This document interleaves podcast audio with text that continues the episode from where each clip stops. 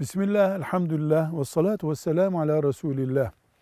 Müslüman insan Allah'ın haram ettiği bir işin yapıldığını gördüğünde ona müdahale eder. Müdahalesi eliyle olur. Bunu yapamazsınız der. Eliyle beceremiyor da olabilir. Bunu yapamazsınız diye diliyle ricada bulunur. Onu da beceremediği olabilir mi müminin? Olabilir. O zaman ne yapar?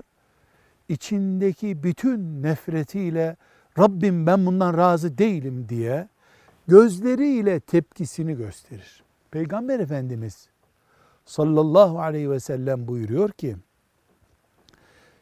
bu içindeki nefretini de gösterememesi müminin imandan bir şey kalmadığını gösterir buyuruyor.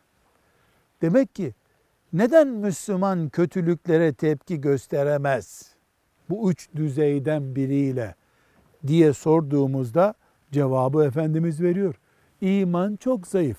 Tıpkı zayıf pille teknik bir cihazın çalışmadığı gibi.